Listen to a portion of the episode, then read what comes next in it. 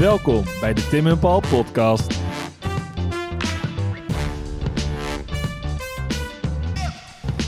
Paul, Tim, we nemen weer op. Ja, ehm, Ja. de het isolatietapes gaan we het maar even noemen Ja. of zo, hè? in het kader van de corona Ja.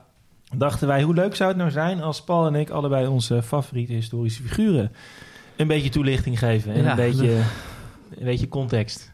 We gaan name droppen. Name droppen. Ja. Ehm, om te beginnen. Ja, Zal ik beginnen? laten we eerst even, eh, want dit is onze eerste keer dat we dit zo doen. Eh, Ja. Misschien even uitleggen wat onze insteek hierbij is. En ik weet niet, want ik bedenk dit nu en ik weet niet of jij het er helemaal mee eens bent. Maar wij gaan alle twee één historisch figuur noemen.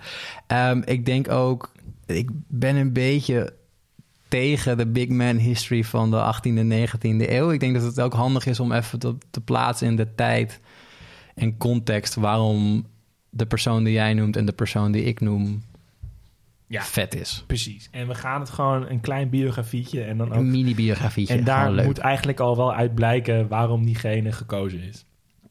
Ja, Ik ga beginnen. ja, Eh, ik ga je helemaal gek maken doe dat. met Humphrey van Gloucester. Of Gloucester. Gloucester. Gloucester. Engelsman. En hij leefde van 1390 tot 1447. En het vette is dat hij, eh, dat hij de zoon van de Engelse koning was. Ja.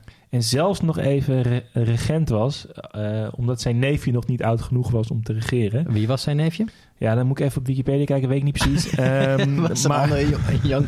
gewoon iemand die jong was, die wel in, in lijn op de troonopvolging beter stond. Want ik vind, ja, anyhow, eh, die guy. Ja, En hij wordt voor ons interessant, omdat hij niet minder dan de derde man was van Jacoba van Beieren. kijk.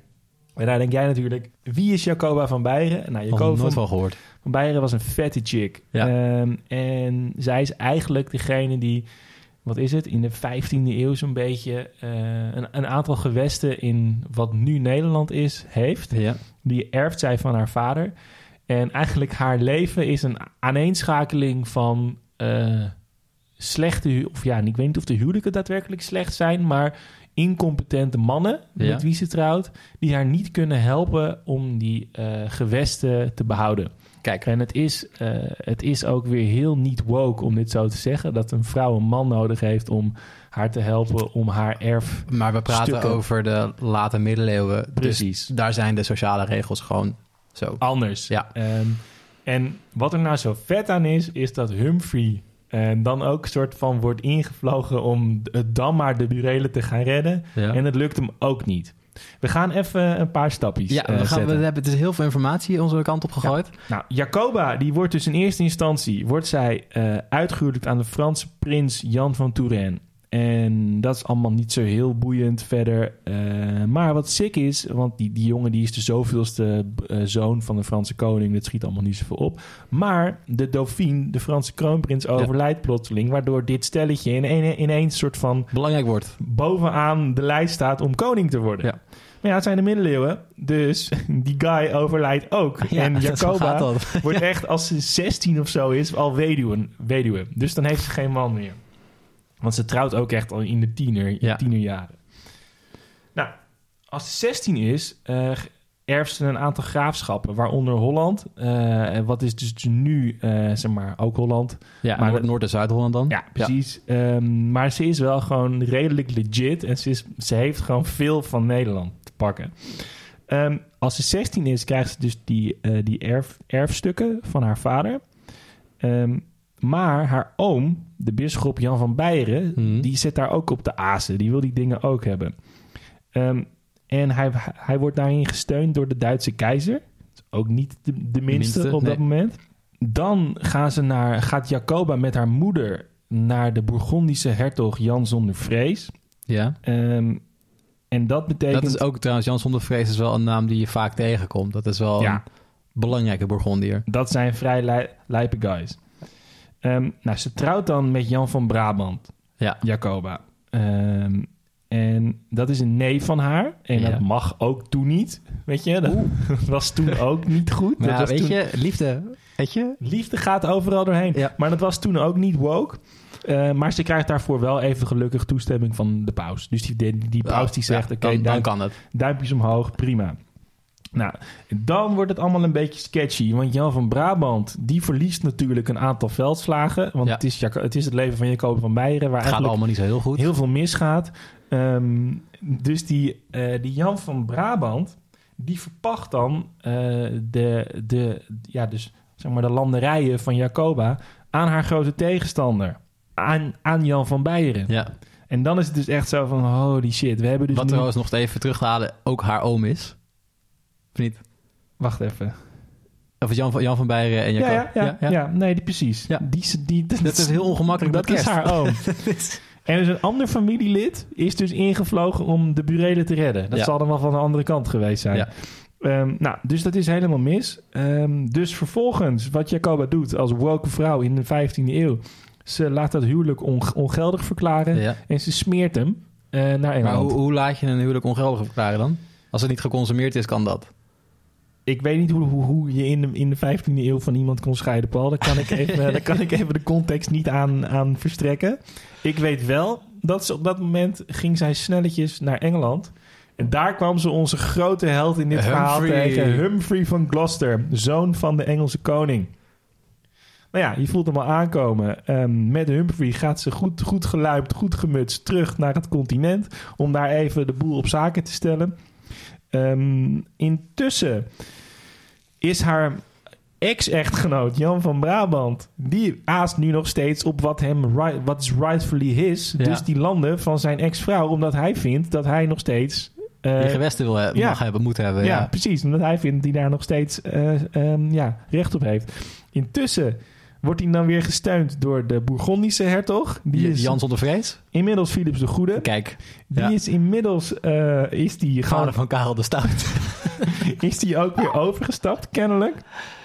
Ehm, Die deksels Ik vind ik vind het ook sick hoe iedereen gewoon de hele tijd familie van elkaar is. Ja. Het zijn allemaal ooms en tantes van elkaar. Nou, ehm, nou, dan Philips en Humphrey gaan natuurlijk niet dus door één deur. Dat is allemaal gezeik en gekut. Nou, vervolgens is er een, een veldslag.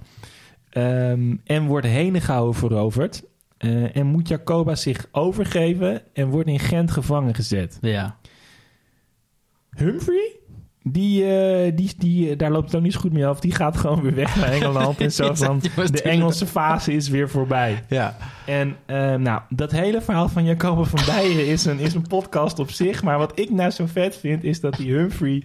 ehm, na al, al ellende, weet je... Ze is op de 15e, 16e al wees geworden... omdat die...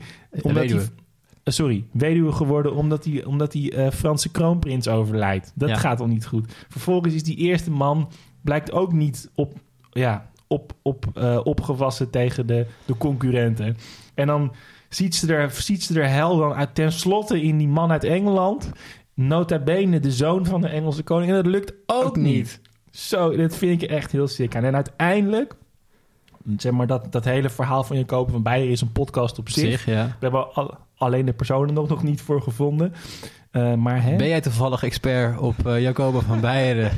Laat het even weten. En weet jij welke fouten ik in dit verhaal allemaal gemaakt heb? Bel ons. Ehm, uiteindelijk, wat wel nog heel mooi is, eh, en dat is wel, dat sluit ook zo mooi aan bij dat verhaal van Mario over hoofdliefde en ridderromans. Dat en is zo. onze, eh, uit mijn hoofd, aflevering... Over de, de ridders over en de de ridders. kastelen. Ja, dat weet ik. Maar ik wilde even het af, eh, afleveringsnummer erbij eh, gooien. Ridders. Ridders, aflevering Ridders. Nou, wat er dus wel heel mooi is aan het verhaal van Jacoba... is dat ze uiteindelijk eh, in, het, in geheim ehm, trouwt ze met iemand waar ze wel van houdt... Maar dan, en dan doet ze afstand van al, al haar eigendommen. Dus niet rijk en gelukkig, maar wel gelukkig. Gelukkig en berooid. Gelu- ja, ik weet niet. Kijk, die vrouw zal natuurlijk ook een redelijke entourage hebben gehad in die tijd. Maar, maar toch, weet je, ik vind het wel een mooi, ehm, mooi einde. Toch die liefde, hè? Toch die liefde die Geen politieke huwelijken. Nee, gewoon, liefde. En misschien was ze er ook wel gewoon een beetje klaar, mee, op dat moment. ja. Onze Jacoba. Nee, Humphrey dus. Humphrey. Humphrey. Het ging, ook meer, ging meer over Jacoba dan over Humphrey. Maar Humphrey breek- was gewoon, die kwam hier binnen en die ging weer weg. Die had ik- niks gedaan. Maar ik breek toch een lans voor Humphrey. Oké. Dan is het mijn beurt. Ook over een Engelsman, denk ik. Ehm, ik zit nog even te twijfelen wie van de drie ik ga noemen. Maar ehm, ik ga het hebben over meneer Harrison. Niet Van de. Beatles? Nee, niet Oh. die. Nee, helaas ook een, eh, ik zeg een grote held, maar ehm, niet voor mij persoonlijk. Eh, John Harrison. Jij kijkt me heel Ik, stil, ik weet het nog. Ik, help mij even kwetsbaar aan. Ik Tim. ben heel kwetsbaar Ja. op dit moment. John Harrison, eh, vader van alles wat wij nu doen qua GPS'en, reizen, eh, dat soort werk. Want eh, John Harrison heeft een methode gevonden om de lengtegraad accuraat te meten aan boord van een schip. En help me even, waarom was dat vet? Waarom is dit belangrijk? We leven trouwens nu eind 17e, begin 18e eeuw. Dat is denk ik wel handig om te weten. Waarom is dit belangrijk? Nou, als je ergens veilig wil aankomen, moet je een beetje de route kennen en je moet. Dat is mijn Siri die hier enorm doorheen loopt te Ik lullen. vind het ook wel mooi dat dat, dat zeg maar GPS... GPS, ja, gaat gewoon aan? Vet, ja. Google luistert mee. Ehm, waarom is dit belangrijk? Ja, we leven eh, in eind 17e, begin 18e eeuw. Engeland, Nederland, eh, de Republiek hebben allerlei koloniën overal ter wereld en daar moeten ze naartoe varen. Ja. Logisch. Ehm, je hebt, als je wil navigeren, is één ding heel belangrijk. Voordat je de volgende stap gaat ondernemen, is dat je moet weten waar je bent. Dus voordat je weet dat je naar het noorden of het zuiden wil, moet je eerst bepalen. Ja, gewoon een plaats bepalen. Precies, Heel simpel. Ehm, van noord naar zuid, op de breedtegraad, is dat nooit heel erg een groot probleem geweest. Want dan kan je een hoekmeting maken. Het is een beetje een technisch verhaal, maar je kan een hoekmeting maken. Eh, de horizon, jouw eigen schip en de zon om 12 uur 's middags of de Poolster. Ja. Dan heb je een driehoek en dan kan je een graad uithalen. En dan weet je bijvoorbeeld, oh, 52 graden noorderbreedte zijn we in Amsterdam. Om even iets Ja. te noemen. Eh, als je de Poolster gaat bekijken, dan kom je eh, uit op het spreekwoord Poolshoogte nemen. Je gaat namelijk meten hoe hoog de Poolster staat. Nou, dat is prima, kan in kruiken van noord naar zuid, geen enkel probleem. Van oost naar west heb je een heel ander probleem. Van oost naar west ehm, meet je eigenlijk op tijd. We weten dat de zon voor ons opgaat in het oosten en ondergaat in het westen, Ja. toch? Dus dan weet je ook dat er bepaalde tijdverschillen zijn. We hebben nu, we leven in een wereld met verschillende tijdzones, et cetera. Ehm, het gekke is wel, kijk, als je van noord naar zuid wil, eh, wil navigeren, of ik, laat ik het even anders insteken.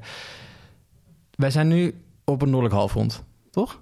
Ik hoop het. Ja, Ja. ja, we zijn in Amsterdam, dus noordelijk halfrond, 52 graden noorderbreedte. En eh, als wij met z'n tweeën nu gaan wandelen op anderhalve meter afstand van elkaar... en wij gaan wandelen richting het zuiden... Ja. dan gaan wij op een gegeven moment weer naar het noorden toe. Als we lang genoeg blijven doorlopen. Ja. We zijn de Evenaar over, lopen nog steeds naar het zuiden... maar we zijn de Zuidpool over en dan lopen we weer naar het noorden. Als we Ja. dezelfde kant op blijven gaan. Als wij nu gaan vertrekken en wij lopen naar het oosten... Ja. gaan we nooit in westelijke richting lopen.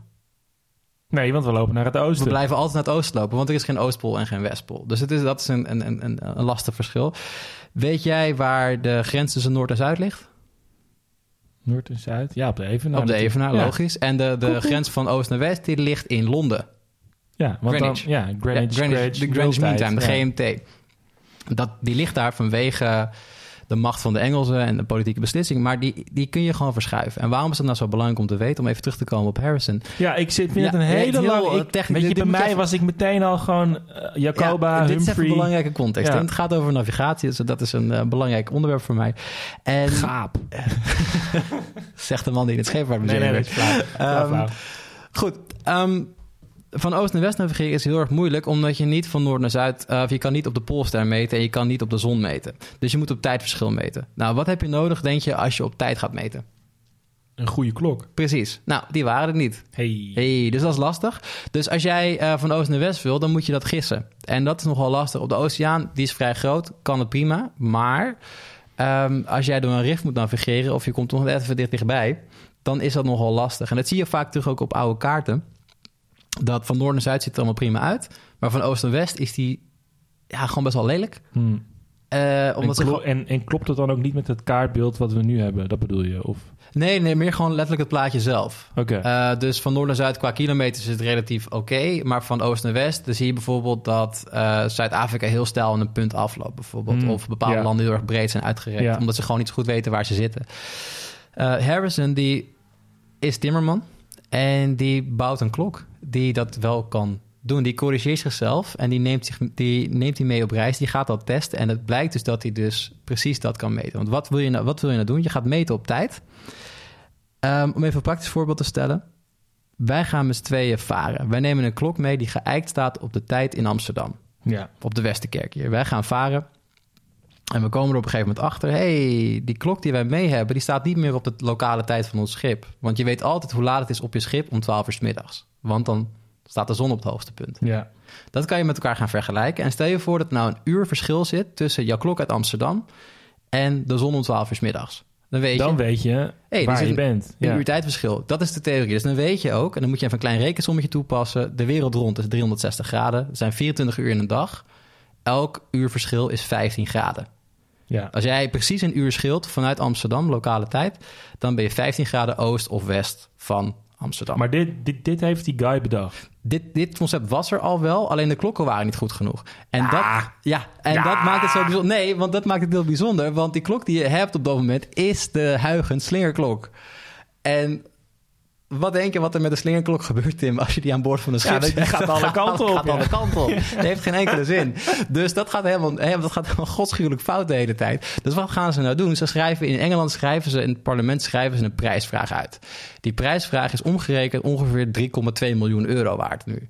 Wauw. Eh, voor degene die dit probleem kan oplossen. Er komen allerlei houten methoden. Isaac Newton is ermee bezig. En die zegt, ja, weet je, je moet doen. Je moet gewoon gaan meten op de schaduw van de maanden van Jupiter op de planeet. Tuurlijk. Prima, doen we even. Weet je wel, jij bent matroos, je bent 12 jaar je bent aangemost bij de VOC. Natuurlijk ga je dat doen. Slaat nergens op. Maar Harrison als timmerman die bouwt dus een klok waarbij dat zichzelf kan corrigeren, waardoor je die klok dus accuraat kan gebruiken. En daarom kun je tijd gaan meten aan boord van schepen. Hm. Dus vanaf halverwege de 18e eeuw is dat geen probleem. En waarom is het nou een probleem geweest? Je kent misschien wel de Batavia. Ja. Is op de klippen gelopen vanwege slechte navigatie van oost naar west. Ehm, er is een ander ehm, incident met een aantal Engelse schepen... waarin iedereen met man en muis vergaat... omdat ze gewoon niet weten waar ze zijn. Dus wij doen er nu een beetje van... ja, Nee, lekker boeiend gaap. Kijk, het is natuurlijk... Het is, ook, het is je ook heel moeilijk voor te stellen dat er een tijd was... ehm, waarin je op de oceaan bent en geen idee hebt waar je bent. Nee, En dat is toch... Dat Ja. is het hele ding. Ja. En, en, en dan weet je de, de, ehm, de Noord-Zuid verhouding... weet je, de Noorderbreedte ding... Die, die weet je dan misschien wel, dus... Maar verder... totaal geen idee. Ja. Je weet gewoon, oké, vanaf Kaapstad naar Batavia, Jakarta... is het ongeveer vier maanden. Ja. Maar ja, als je net even stevige wind hebt... ben je iets sneller op de Australische kust. En zink je. ja. Dus dankzij John, eh, John Harrison kunnen we nog anderhalve eeuw lang genieten van koloniale uitbuiting. Dank je, Paul. dankjewel, John Harrison. Nou vind ik mijne toch ietsje, ietsje lichtvoetiger, maar oké. Ik hou het graag grimmig. Dus. Ja, oké, vet. Vond jij dit nou een interessant verhaal en wil je meer over geschiedenis weten? Hou dan onze Instagram in de gaten. We zouden het ook heel leuk vinden als je een recensie achterlaat. Vijf sterren, mag gewoon. En heb je nou een vet idee waar we het over kunnen hebben? Slide dan in onze DM's. Durf gewoon te vragen. Tot de volgende.